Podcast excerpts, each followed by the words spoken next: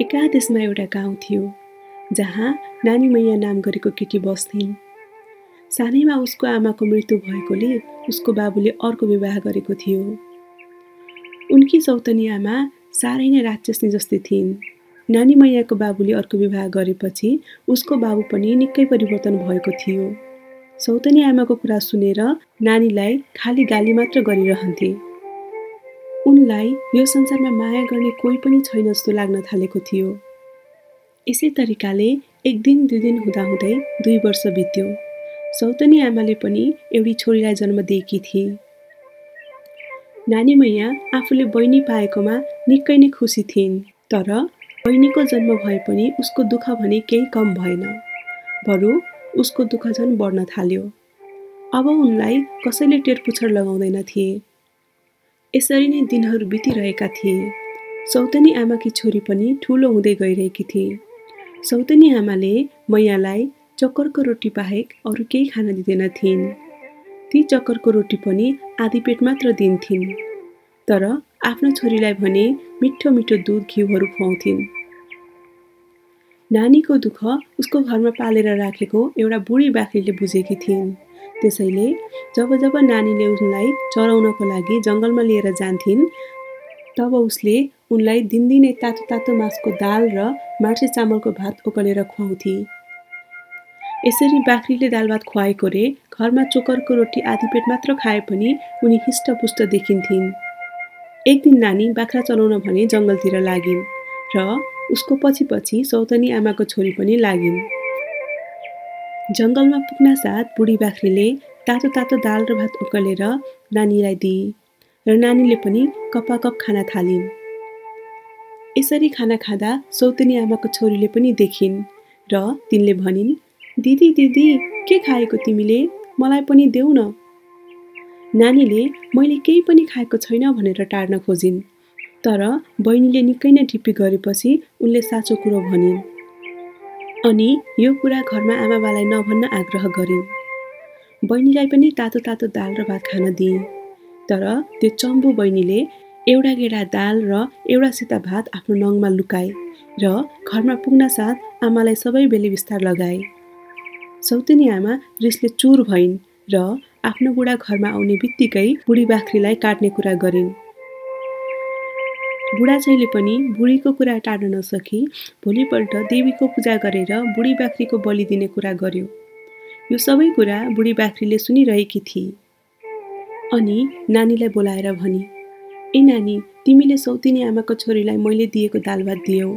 अहिले तिम्रो आमाले सबै कुरा थाहा पाएर भोलि मलाई देवीको भोग चढाएर मार्ने योजना बनाएको छ। जे भयो भइगयो मलाई मार्यो भने तिमी नरुनु नकराउनु। म तिमीलाई एउटा कुरा भन्छु र त्यसै गर। तिम्रो बाबु र सौतनी आमाले मलाई भोलि मारेर पूजा गर्छन् अनि तिमीलाई फुलटिका लिन आऊ प्रसाद खान आऊ भनी बोलाउँछन्। धेरैचोटि बोलाए पनि तिमी कपाल दुखेको छ सन्चो छैन भनेर नजानु। खालि एउटा हातको टुक्रा फाल्न आऊ भनेर बोलाएपछि मात्र जानु। त्यो हातको टुक्रा लिएर तिमी माटोमा गाडिदिनु तिमीले हाड गाडेको ठाउँमा एउटा यमरीको रुख उम्रिनेछ। बुढी बाख्रीको कुरा सुनेर उसलाई निकै नै पश्चाताप भयो र धेरै रोइ पनि। बुढी बाख्रीले पनि नाना थरी भनेर उसलाई सम्झाइ भोलिपल्ट बिहानै देवीको पूजा गरी बुढी बाख्राको बलि दिइयो। घरमा मासुका अनेक परिकारहरू पनि बनाइयो। सबै काम सिद्धिएपछि नानीलाई टिका लाउन आऊ प्रसाद खान आऊ भनेर बोलाए। तर धेरैचोटि बोलाएपछि पनि आङ दुखेको छ पेट दुखेको छ मलाई सन्चो छैन भन्ने बाहना मात्र गरिरहन्। आखिरमा तिनीहरूले ए नानी एक टुक्रा हाड फाल्न मात्र भए पनि आऊ भन्ने बोलाए। यो कुरा सुनासाथ नानी डगुरेर गए र त्यस हाडलाई लगेर जङ्गलको छेउमा लगेर गाडी दिए। भोलिपल्ट हेर्न जाँदा त्यहाँ एउटा ठुलो यमरीको रुख थियो र बोटैभरि यमरी फलेको थियो। नानी खुसी हुँदै यमरी खान थाली। त्यतिकैमा कहाँबाट एउटा राक्षस र राक्षसनी टुप्लुक्क आइपुगे र नानीलाई ए नानी हामीलाई पनि यमरी देऊ न धेरै भोक लागेको छ भनेर भन्यो।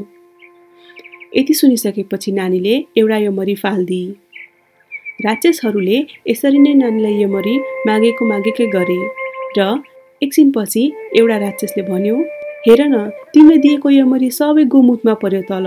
तलै आएर देऊ न बरु। यति सुनिसकेपछि नानी तल झरेर यमरी के दिन मात्र लागेको थिए। राक्षसहरूले उसलाई समातेर आफ्नो घर लगे।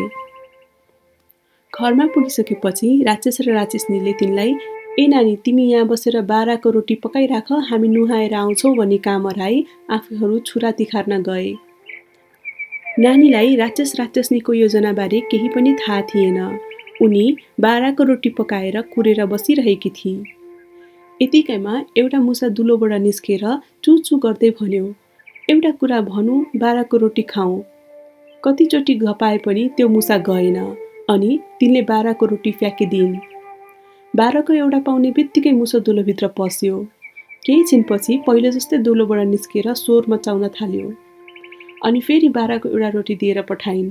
यसरी चार पाँचचोटि भए पनि तिनले मुसालाई रोटी दिइरहन्। यति गरेर बाह्रको रोटी खाइसकेपछि मुसाले नानीलाई भन्यो ए नानी तिमी यहाँ नबस। राक्षस र राक्षसनी फर्केर आएका छैनन्। भागेर जाऊ। राक्षस र राक्षसनी तिमीलाई मार्नु भनी छुरा तिखार्न गएका छन्। तिनीहरू फर्केर नआउँदै तिनीहरूको हिरा जवारात मोतीले भरिपूर्ण भएको कोठामा जाऊ र आफूले बोक्न सक्ने जति लिएर भागिहाल। जाने बेला तिमी भर्याङको हरेक सिँढीमा आफ्नो थुक हाली एक एक टुक्रा गोल राखेर ढोकामा आगो लगाइजान्नु नानीले मुसाको सबै कुरा सुनिन् अनि भनेको जस्तै गरेर राक्षस राक्षसनीको कोठामा हेर्न गए त्यहाँ साँच्चै नै धेरै नै हिरा मोतीहरू राखिएको थियो अनि आफूले बोक्न र सम्हाल्न सक्ने जति सुन चाँदी हिरा मोती लिएर मुसाले भन जस्तै गरेर घरतिर गइन्। राक्षस र राक्षसनी छुरा तासेर घर फर्के ढोका घचघच्याए उनीहरूले ए नानी ए नानी भनेर बोलाए। तर नानीले थुकेको थुक र उनीले राखेको गोलले ह ह मात्र भनेर बोल्यो। कसैले पनि ढोका खोल्न आएन। आखिरमा राक्षस राक्षसनी ढोका फोडेर भित्र गए। कोठामा गएर हेर्दा नानीलाई देखेन र जिल्ल परे। अनि त्यो केटी हाम्रो आँखामा छारो हालेर भागी भनेर पश्चाताप गर्न लागे। उता नानी घरमा पुगेर ढोका घचकच्याउन थाली।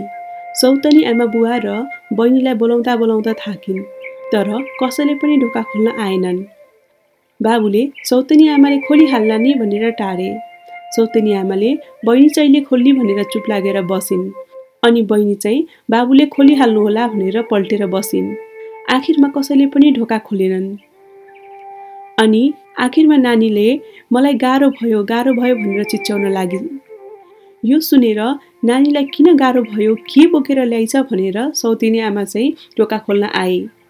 अनि नानीलाई लिएर माथि गइन् माथि पुग्न साथ सौतिनी आमालाई आफ्नो खास्टो थाप्न लगाई र ल्याएको सबै धन सम्पत्ति उनलाई दिइन्। आफू जन्मेदेखि देख्न नपाएको हिरा मोती जवरात यति धेरै देखेपछि सौतनी आमा आँखा मिच्दै हाँस्दै मुसु मुसु भने ए नानी यत्तिका सम्पत्ति तिमीले कहाँबाट पायो? कसरी लिएर आयो? नानी मैयाले यमरीको रूपमा चढेको कुरादेखि लिएर राक्षस राक्षसनीले बोकेर लगेको र धन सम्पत्ति तिनैको घरबाट ल्याएको कुरा सुनाइन्। तर मुसाको कुरा भने सुनाउन बिर्सिन्। नानीको कुरा सुनेर सौतेनी आमा निकै खुसी भई उसको मनमा आफ्नो छोरीलाई पनि पठाउने विचार आयो।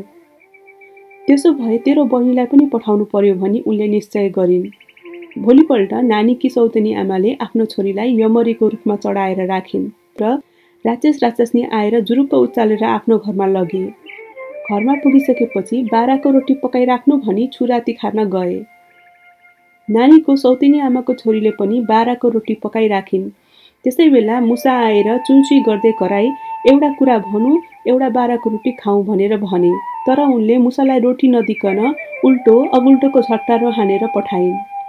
मुसो भागेर आफ्नो दुलोमा पस्यो र तिनलाई कुरा सुनाउन पाएन। जब साँझ पर्न थाल्यो राक्षस र राक्षसनी घरमा आए र ती सानी केटीलाई पकाएर खाए। तर उनीहरूले त्यसरी काट्दा उसको हड्डीहरू भने चाहिँ सम्हालेर राखेका थिए।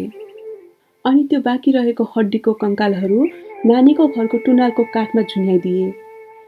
सौतेनी आमा नानीले जस्तै आफ्नो छोरीले पनि राक्षस राक्षसनीहरूको सम्पत्ति ल्याए कि भनेर खुसी भई कपाल कोरेर बसिरहेकी थिइन्।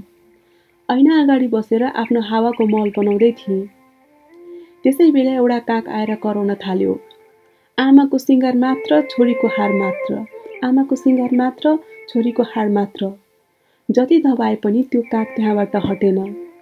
आखिरमा यसो झ्यालबाट हेर्दा त आफ्नो छोरीको कङ्गाल झुन्निरहेको देखिन्। अनि टाउको भुइँमा ठोक्दै छाती पिटेर बिलाप गर्न थालिन्।